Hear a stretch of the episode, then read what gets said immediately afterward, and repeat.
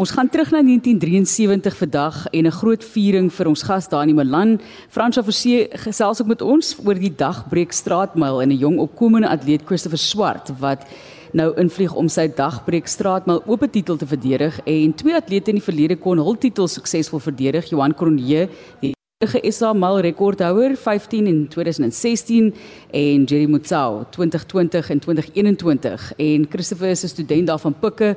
Ons gaan 'n bietjie daaroor gesels met Fransja ook en wat Dani alles kan onthou van sy ervaring in 1973 in München in Duitsland, 'n groot oomblik gewees vir Suid-Afrikaanse atletiek. Daai era ook Dani voordat ons nou kom by die straatmyl waar hy ook dan gevier gaan word. Dit was 'n groot era vir atletiek in Suid-Afrika. Bloeitydperk, tydperk wil ek sê vir atletiek in Suid-Afrika. Ja, nee, dit was beslis dit was beslis 'n bloeityd en dit was wonderlike tye en dit was 'n groot voorreg gewees om in daai tyd uh deel te neem en en te presteer en goeie vriende te maak. Dani, wie was die ouens wat jou die graagste wou klop daai tyd want jy het altyd gewen. Ek kan nie vra wie jy die graagste wou klop nie want jy het gewen.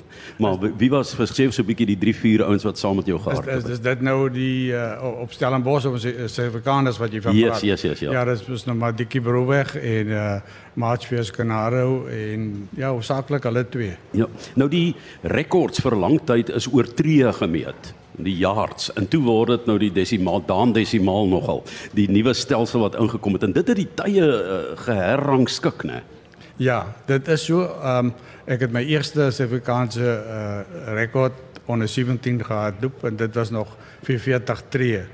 En uh, ek het in Amerika ook deelgeneem en daar het ek 'n baie goeie 88 tree gehad doop want die Amerikaners het nog altyd tree en nie meters nie. Mense besef nie hoeveel spoed jy nodig het om 'n 800 te hardloop of 'n 1500. Jy praat nou van 'n 400 wat jy gehardloop het en 'n onder 17 rekord gehad het. Maar uh, ek meen dis onontbeerlik. Jy moet nog steeds baie vinnig wees om selfs middelafstande te hardloop. Ja, kyk, dit is verseker so. Ek sê altyd ek sou graag 'n paradete wou afrig en dan sal ek eers gaan na 'n skool toe en ek sal sê hardloop almal eers 100 meter om te sien wie se vinnigste en dan werk jy daarvan af. Want jy kan in enige wedloop hardloop in 'n 800 of 'n 1500 en as jy nie spoed op die einde het nie, dan gaan jy net stil staan. Vandag as jy mens gaan kyk na die myl, dan word hy nou eintlik baie relatief maklik deur baie atlete jy weet um, behaal. Maar die tyd waar jy gele gehardloop het die bane die tegnieke wat tot julle beskikking was uh, jy weet um, ek dink nie die mense die kans gehad om voltyds net atletiek te oefen jy moet 'n ander beroep ook gehad het. So dit was 'n bietjie anders nê die die tyd. Want mense wonder altyd maar hoekom raak mense al hoe vinniger? Ja want kyk ons het nog op um, toe ek en Dikkie daai goeie tye in die 800 gehad het in die 71 het ons het op 'n grondbaan gehad en ek onthou vonk het nog net voor die uh wedloop het hy nog die baan weer nat gemaak en vasgerol. Uh dit is soos dit was in daai tyd. Uh, ons het nog nie ons het nie tatenbane en die kunsbane goed gehad nie. Jy weet hulle het 4 by 4 gehardloop met te lees op daai grondbane. Is Dani Malan wat so gesels oor sy herinneringe en Fransje Versie is ook hierso. Ons praat ook oor die dagbreek straatmyls. Gaan nou 'n bietjie uitbrei oor Dani se ervaring en wat hy die beste kan onthou in daai oomblik, maar vertel vir ons van die straatmyl wat voor lê, die dagbreek straatmyl en dan ook hoe jy vir Dani op daai manier gaan vereer. Goeiemiddag. Dis vanmiddag die 13de jaar wat die straatmyl aanbied geword. Ehm um, dit word aangebied te wille van de Willis Lamberts vir die eerste droomhal gehardloop het wat ook 'n dagbreek was soos Dani. En dit het begin met 3 wedlope en daar's nou al 7 wedlope met 13 afdelings van onder 13 ehm um, jou oop afdeling, jou masters en ons het die enigste staatsplan myl ehm um, wedloop in Suid-Afrika. Nou Dani gaan ons hierdie jaar vereer met sy gesig op die medalje, dit 'n voorbeeld hier saamgebring en ook by die 1000 meter merk gaan daar 'n spesiale prys wees. Ehm um, dit word vir ons geborg deur Asla. Hulle is ook toevallig hierdie jaar 50 jaar oud. En hulle groot baas Albie Luiker was ook 'n ou dagbreker.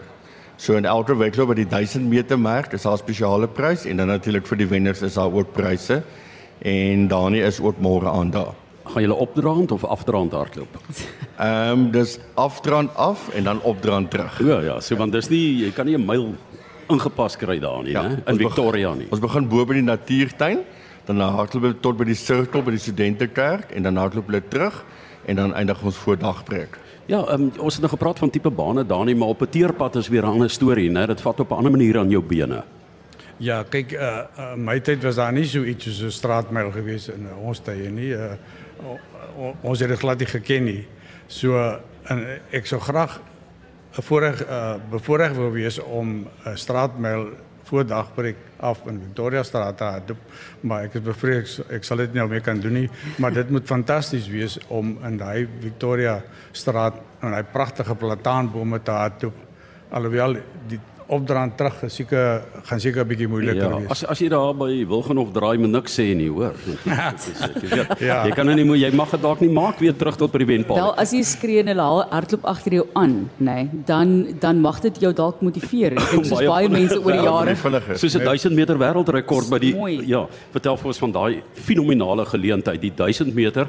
Kyk, ek dink mense ehm um, dink daaraan ja, maar ons het daarna nou nie so baie gehoor daarvan nie en dis 'n wêreldrekord, maar is nie 'n Olimpiese standaard nommer nie. So daar was nou nie elke jaar 'n wedloop of elke Olimpiese spele 'n wedloop dat jy die goue medalje kon wen nie. So dis tussen die 800 wat die amptelike afstand is en dan 'n 1500. Is daar 1000 meter wedloop. Hoekom het hulle daai 1000 meter gehardloop? Kyk, ons het gereeld 1000 meters gehardloop en uh ons was in Duitsland gewees en uh toe hardloop ek 1000 meter daar teen 'n redelike goeie tyd en toe nooit die Duitsers my uit om in die Olimpiese stadion die jaar na die Olimpiese spele in die stadion 1000 meter te kom hardloop want hulle het atleet gehad uh, wat wat hulle wou hê moet die wêreldrekord breek.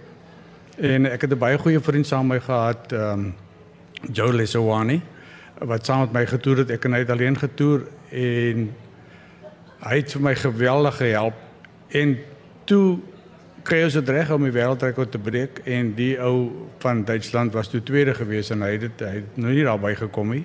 Maar uh, dit was 'n ongelooflike atmosfeer in daai stadion gewees. 30000 mense, né? Ja. 30. Vertel ons van Joe se rol. Wat, uh, wat het hy gedoen? Joe Lesowani was 'n vriend van my.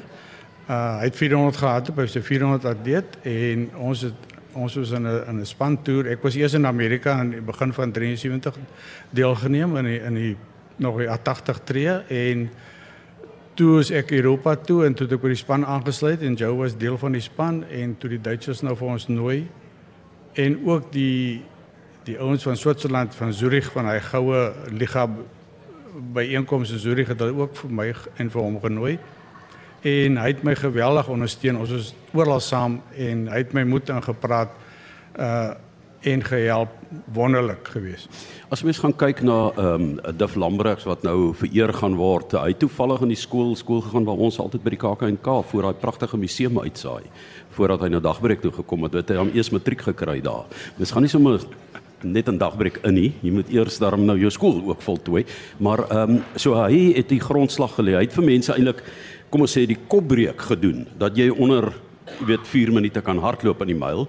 En uh, toe daarna, Danie het jy dit gedoen, maar dat toe ouens deurkom soos Johan Fourie wat gereeld weet dit gedoen het met byeenkomste, uh, Johan Cronje wat natuurlik nou die SA rekordhouer is, maar ek ben daar's 'n hele paar name in daai tyd, John van Reen en Zola Bad, as ek nou sommer net 'n paar name kan noem wat die verbeelding werklik aangegryp het, nie net van Suid-Afrika nie, maar van die wêreld.